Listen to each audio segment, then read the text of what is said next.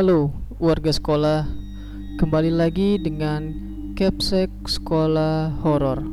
Apa kabar kalian semua? Semoga baik-baik saja.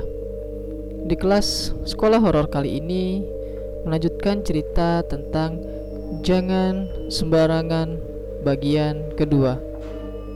Cerita ini bersumber dari akun Twitter @ua underscore cn24 melanjutkan cerita pertama di mana salah satu pemain mereka yang bernama Anton mengalami sakit tipes saat pembuatan filmnya. Namun Anton tetap memilih untuk ikut naik gunung. Sebelum kalian mendengarkan cerita ini, Capsek akan berterima kasih untuk like, share, dan komen kalian di video ini. Lanjut saja, selamat mendengarkan.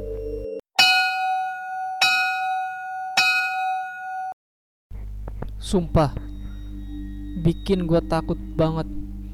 Temen gue pun sama ngerasa takut juga. Si Kiki juga sensitif orangnya. Itu tenda gue Diputerin sama sosok anak kecil kayak kurcaci-kurcaci gitu. Gue bisa lihat dari bayangan dari dalam tenda gue Akhirnya kita tidur makin mepet satu sama lain saking takutnya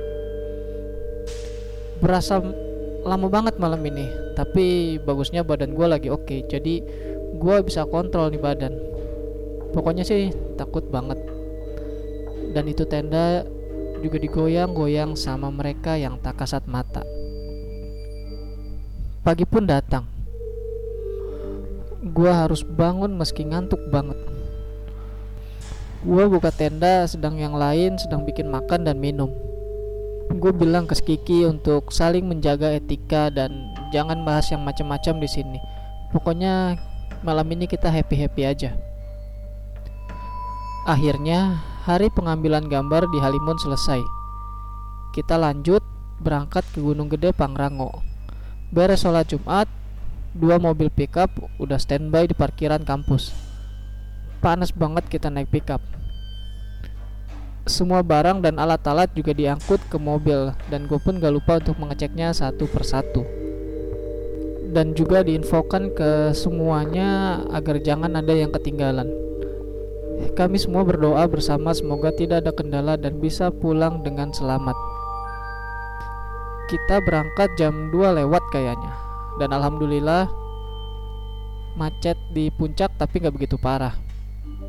Kita via Putri sampai sekitar jam 5 lewat 45 sesampai di sana kita nunggu yang lain lapor dulu. Nunggu potter juga. Kemudian kita makan untuk isi amunisi.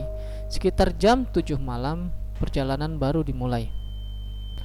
Pas kita jalan ketemu dengan pos 1 kita cek semua barang-barang dan yang lainnya masih aman. Masih baik-baik aja. Karena kita jalan santai dan gak buru-buru dan gue jalan di barisan ketiga di depan. Gelap. Dan penerangan hanya dari headlamp gue aja.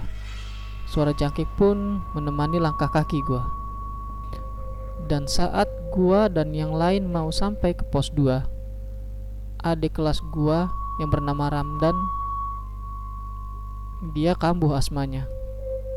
Kita pun memutuskan untuk beristirahat di pos 2 dan si Ramdan dibantu memakai tabung oksigen yang kecil sehingga mampu membuatnya nafas kembali agar nggak sesak lagi. Pokoknya intinya biar dia sembuh dan bisa lanjut untuk naik. Gue cuma bisa lihat dia dari kejauhan karena gue orangnya penyakut. Apalagi kondisinya si Ramdan ini sakitnya saat sedang di gunung. Bener aja, gue cuma bisa diem karena di pos 2 ada sosok wanita si Miss Kun. Bagusnya badan gue juga lagi oke. Okay. Jadi alhamdulillah mental lagi lah tuh yang mau deket-deket sama gue. Kita istirahat lumayan lama, kita ngopi dulu dan alhamdulillah si Ramdan udah kembali normal. Jadi kita bisa jalan kembali. Sepanjang jalan gue dengerin lagunya dari Stars and Rabbit yang judulnya Catch Me. muterin lagu ini tujuannya supaya mengalihkan pendengaran gua dari suara-suara yang gak nyaman. Gua lupa udah jam berapa pada saat itu, tapi badan gue berasa dingin banget. Dan ternyata ketika gua cek, udah sekitar jam 2an. Akhirnya kita memutuskan untuk mendirikan tenda di pos ketiga, karena kita harus istirahat supaya tenaga kita kembali pulih kemudian juga karena si Anton dan si Ramdan yang pada saat itu sedang sakit jadi kita wajib untuk tidur. Sekitar jam 4 atau 5 gue lupa pokoknya kita akhirnya bangun. Dan yang lain pun menyiapkan makanan untuk amunisi kita. Dan sebagiannya sibuk dengan merapikan tenda. Gue pun nyamperin Anton yang baru bangun. Gimana? Masih kuat nggak Anton pun menjawab Insya Allah Wak. Tapi gila ini dingin banget badan gua. Sampai susah gue buat tidur. Kalau nggak kuat bilang ya Jawab gua. Dan tak lama Rizka datang membawa makanan dan obatnya. Gue juga ikut makan Karena ya makanan udah jadi. Setelah beres semuanya Perjalanan pun kita lanjutkan. Hand lamp masih dipakai karena masih gelap Alhamdulillah hujan belum turun. Karena gue inget gue naik tuh bulan berberan ya bulan di mana biasanya hujan pada turun. Gue berjalan sambil membaca bacaan yang gue hafal. Semoga kru gue nggak ada apa-apa lagi dan semuanya berjalan lancar hingga kita nanti pulang. Sekitar jam setengah delapan apa jam sembilan gue sampai duluan di alun-alun Surya Kencana awan masih biru dan cerah banget alhamdulillah. Dan mereka pun bahagia setelah sampai. Kita pun siap-siap buat ambil gambar setting alat dan mempersiapkan pemain juga. Sebagian juga ada yang membuka tenda dekat dengan puncak gedenya. Kita pun mulai tuh syuting di batu kursi. Dan gue pun tak lupa untuk membaca bacaan sebisa gua sebagai bentuk meminta izin. Dan langitnya pun berwarna biru dan suasananya pun bersahabat. Paslah pokoknya. Alhamdulillah, satu jam pengambilan gambar tanpa kendala. Tapi hati gue ada yang gak nyaman. Gak tahu kenapa. Semoga aja gak terjadi apa-apa. Tapi tetap aja, tiba-tiba pikiran gue memikirkan tentang pangeran Surya Kencana sedang memakai kudanya. Namun gue tetap berusaha untuk tenang mencairkan pikiran gue dan terus berdoa sambil kita pun merapikan alat-alat dan menuju ke teman-teman kita yang membuka tendanya di puncak gede. Sesampainya di tenda teman-teman yang lain, ada yang sedang istirahat, ada yang masak, dan ada juga yang berfoto-foto sedangkan gue ya masuk tenda buat merebahkan badan ini. Di dalam tenda gue berusaha untuk gak mikir yang macam-macam. Berharap semuanya baik-baik aja. Dan lagi asik tidur gue dibangunin buat rapi-rapi barang dan harus cepet-cepet naik ke puncak. Ya udah tuh gue pun beresin semua. Gue pun keluar tenda. Tapi pas gue lihat cuacanya udah berubah. Bakalan ada badai. Dalam perjalanan kita menuju puncak gunung gede kami pun diinfokan untuk tetap siap siaga dengan jas hujan.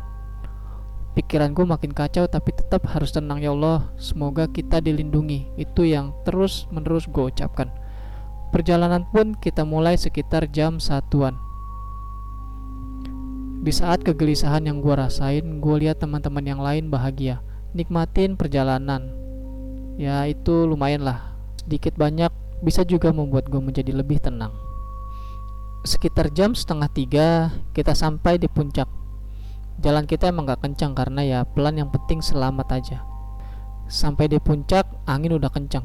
Kabut pun udah tebal. Kita istirahat dulu untuk minum kopi. Ada juga yang foto-foto. Sedangkan gue lihat si Anton lagi minum obat. Dan gue pun samperin ke dia. Gimana Ton? Mau naik bareng kita lagi nggak? Nggak mau gue naik gunung lagi tapi masih kuat kan lo untuk jalan?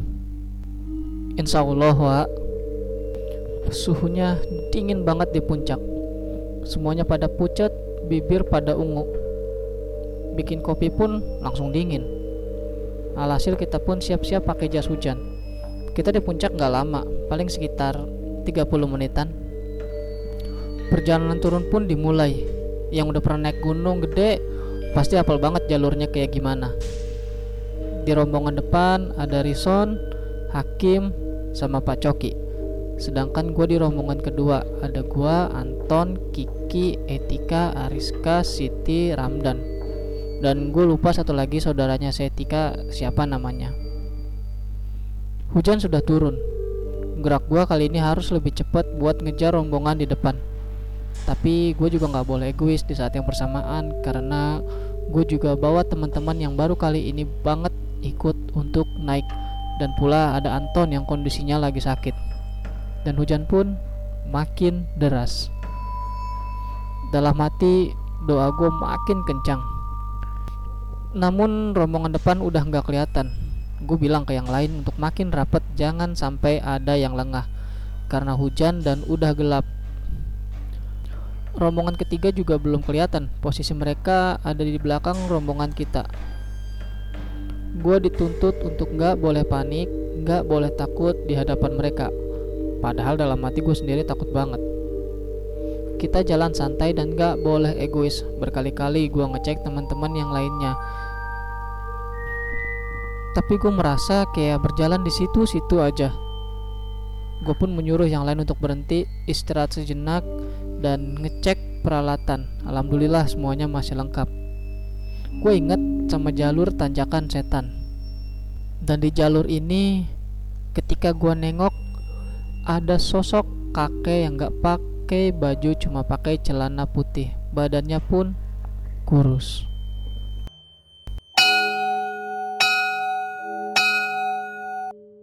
Itu dia cerita mengenai jangan sembarangan bagian kedua di mana kejadian-kejadian mistis sudah mulai menemani perjalanan Uwa dan rombongan ketika mereka di gunung. Terima kasih buat kalian warga sekolah yang telah mendengarkan cerita ini. Dan terima kasih juga kepada akun Twitter @ua_cn24 yang telah memberikan kami izin untuk membacakan cerita ini. Jangan lupa like dan share video ini agar warga sekolah horor semakin bertambah. Dan sampai jumpa di kelas berikutnya.